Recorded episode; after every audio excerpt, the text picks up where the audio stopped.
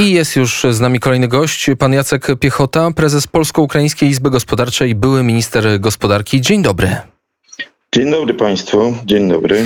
Wojna trwa i my tutaj informujemy o tym, że Decathlon się wycofał z Rosji, że polskie firmy, polskich oligarchów jednak zostają w Rosji, e, zostają w Rosji, a my zastanawiamy się też, jakie są, e, jaka jest przyszłość e, polskiego, ukraińskiego biznesu, przepraszam, jestem zmęczona troszkę, ukraińskiego biznesu. Mówi się o tym, że zyska ta zachodnia część Ukrainy, a ta wschodnia jednak po wojnie dużo utraci.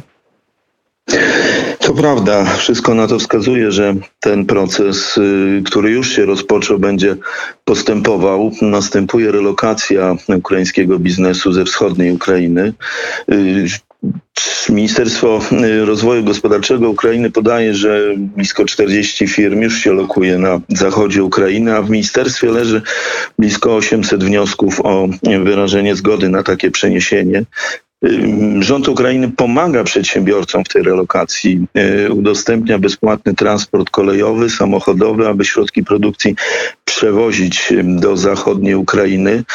Po to też, aby zatrzymać y, ukraińskie aktywa, środki produkcji, zatrzymać w Ukrainie, bo nie da się ukryć, że przedsiębiorcy ukraińscy zaczynają też myśleć o relokacji dalej na zachód, również i do Polski spotykamy się z takimi zapytaniami.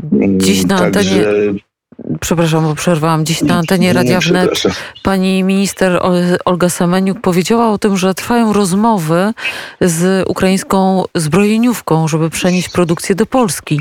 Czy takich branż jest więcej, czy jednak jeszcze nadal optymizm, tak jak optymizm walczących o wolność Ukrainy w biznesie ukraińskim istnieje i że jeszcze wszyscy chcą pozostać e, na własnym terenie? Zdecydowanie istnieje i zdecydowana większość jednak myśli o tym, aby pozostać y, w Ukrainie. Co ciekawe, polskie firmy, które w Ukrainie do tej pory działały, też myślą y, o tym, aby tam wrócić. Y, takie sieciowe firmy w sektorze finansowym, jak Credobank, PZU Ukraina, wycofały swoich polskich pracowników, ale ukraińskim pracownikom w dużej części pokrywają wciąż wynagrodzenia, mimo że nie prowadzą tak aktywnej działalności przecież, no już w sektorze ubezpieczeniowym praktycznie żadnej, yy, ale płacę ukraińskim przedsiębiorcom po to, ukraińskim pracownikom, przepraszam, po to, aby móc tam szybko, szybko wrócić. Yy, no wszyscy liczymy na to i jesteśmy, mam nadzieję, yy, pragmatyczni w tym względzie, że Ukraina się obroni i będziemy wszyscy razem działać, aby ją szybko odbudować. No by tak było, chociaż prezydent Joe Biden w Polsce mówił, że to nie jest kwestia dni i tygodni, raczej sugerował dłuższy czas trwania konfliktu. Nie, nie, oczywiście wszyscy byśmy tego nie chcieli, ale jeszcze wracając do Polski, bo ze względu na swoje położenie geograficzne i bliskość kulturową, także językową, no stała się takim miejscem, gdzie, gdzie Ukraińcy mogą przenosić swoje firmy. Tutaj Polska Agencja Inwestycji i Handlu, wielka pochwała, zaczęła pomagać. No od początku marca małe i średnie firmy z Ukrainy mogą prowadzić działalność e, z terytorium naszego kraju mają, mają umożliwioną bezpłatną przestrzeń coworkingową. Czy sporo firm skorzystało z takiego układu, czy sporo firm przeniosło się do Polski z tego, co mówi się u Państwa w Izbie? My współpracujemy, jesteśmy w kontakcie z Polską Agencją Inwestycji i Handlu. No, oni informują, że mieli blisko 8 tysięcy zapytań o możliwość przeniesienia działalności. Niemniej jednak y, nie jest to dzisiaj masowe zjawisko. My też jako Izba uruchomiliśmy Centrum Relokacji Biznesu, aby pomagać i doradzać przedsiębiorcom ukraińskim, ale najczęściej jest to pytanie o partnerów po polskiej stronie, z którymi można by było y, rozpocząć działalność, produkcję. Ostatnio mieliśmy takie ciekawe zapytanie z lwowskiej, od lwowskiej manufaktury czekolady, która no, straciła swoją sieć sprzedażową w wschodniej i centralnej Ukrainie. Chcieliby nawiązać współpracę tutaj w Polsce i w Polsce swoje produkty sprzedawać, ale produkować wciąż w Lwowie. Więc nie jest to dzisiaj masowe zjawisko, ale takie pytania się pojawiają y, z myślą o y, bardziej szukania partnerów do działalności w Polsce.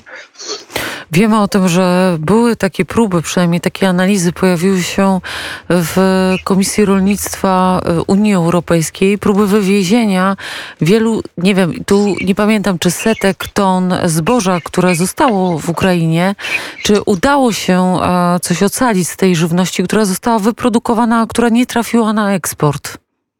Znaczy, to jest dziś problem Ukrainy, y, właśnie logistyka i transport, bo do tej pory 70% eksportu zbóż ukraińskich realizowane było drogą morską. Blokada portów powoduje no, ogromny problem. Rząd Ukrainy oszacował zapasy. Dobre, udane zbiory zeszłoroczne powodują, że no, spichlerze są pełne w Ukrainie. W pierwszych dniach wprowadzono moratorium e, zakazujące eksportu zbóż, jednak szybko się okazało, że ten eksport trzeba odblokować, trzeba realizować. No, wyzwaniem jest tutaj właśnie logistyka, transport e, Polska, kraje sąsiadujące z zachodu no, stają się jedyną, jedyną drogą do y, eksportu ukraińskiego, ukraińskiego zboża. Z drugiej strony Ukraina robi wszystko, aby zasiać pola. Y, oszacowano, że posiadają 80% niezbędnego ziarna do zasiewów, posiadają odpowiednią prawie, odpowiednią liczbę na, ilość nawozów. Problemem, który dzisiaj sygnalizują w rozmowach są środki ochrony roślin y, i paliwo. Paliwo jest niezbędne dla, dla rolnictwa, aby tych zasiewów dokonać, więc y, tutaj są wyzwania również i przed nami, niosąc pomoc Ukrainie. A czy pojawiły się już jakieś konkrety, jeżeli chodzi właśnie o ten transport płodów rolnych, choćby drogą kolejową, choćby przez Polskę? Będziemy o tym rozmawiać. Ja myślę, że te y, rozmowy się toczą. Ja nie znam bezpośrednio dzisiaj wyników, wyników rozmów, jak to, jak to wygląda.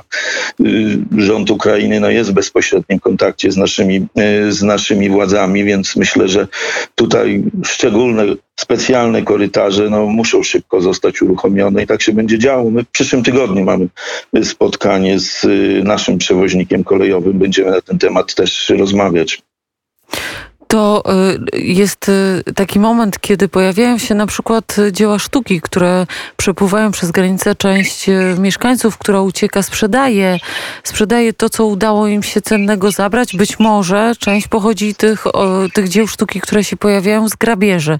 A czy widzi pan na, e, na rynku ukraińskim e, takie duże wyprzedaże firm, że na przykład ktoś próbuje uciekając sprzedać majątek, czy jednak ten biznes e, był tak stabilny, że ci ludzie nadal wierzą w to, że wrócą do swoich działań? Większości, większości przedsiębiorcy ukraińscy wierzą, że, że wrócą, że będą działać w Ukrainie. W naszej ocenie, bo takich no, powszechnych badań dzisiaj nikt nie jest w stanie przeprowadzić oczywiście. My sami w Izbie mamy na to dowody. Jako Izba mamy w ukraińskich miastach, mieliśmy 12 przedstawicieli z miastach Ukrainy i nasi przedstawiciele w Charkowie, w Dnipro, w Odesie, w Kijowie są tam obecni, są na, na stanowiskach. Nasz wiceprezes nawet y, nie musząc, ale działa w oddziałach obrony terytorialnej w samym Kijowie, y, ale są, prowadzą działalność. No, staliśmy się dzisiaj jedyną organizacją polską, która jest obecna w Ukrainie i tam stara się organizować, organizować pomoc.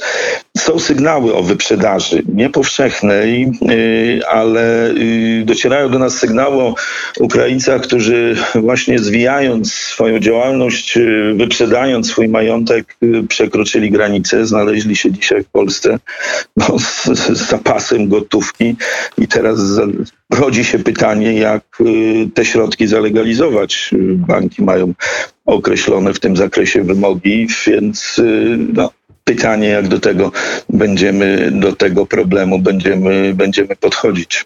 A jeżeli założenie firmy, przeniesienie firmy ze wschodu na zachód Ukrainy, to jak rozumiem, pierwszą i najważniejszą lokalizacją jest Lwów.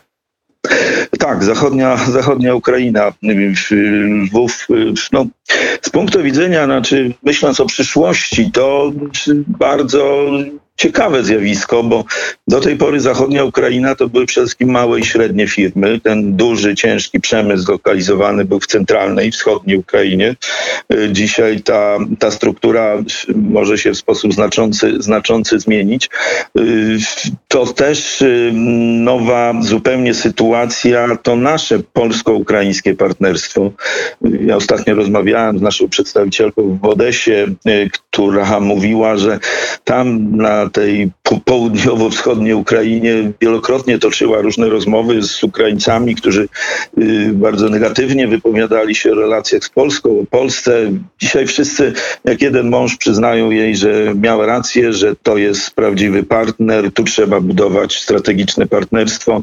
Więc y, mamy naprawdę w momencie, kiedy Ukraina się obroni z wolną Ukrainą, mamy no niepowtarzalną historyczną okazję stworzenia rzeczywiście strategicznego strategicznego partnerstwa gospodarczego, ale opartego na przeogromnej sympatii y, międzyludzkiej. Także y, to jest, y, myślę, niesamowita dla nas wszystkich perspektywa udział w odbudowie Ukrainy, ale też i właśnie budowa silnych kooperacyjnych więzi gospodarczych to jest perspektywa, to jest szansa. Według sondaży Polacy są teraz najbardziej, nie wiem czy to dobre określenie, najbardziej lubianą grupą, lubianym krajem, mieszkańcami państwa przez Ukraińców. 99% dobrze się wypowiada o Polakach. Nic dziwnego patrząc na to, jak staramy się pomagać naszym braciom Ukraińcom. A jeszcze jedna rzecz, mała łyżka dziękciu, czyli co się mówi w tym momencie na Ukrainie na temat tirów, które z Rosji i Białorusi jeżdżą do Unii Europejskiej z powrotem.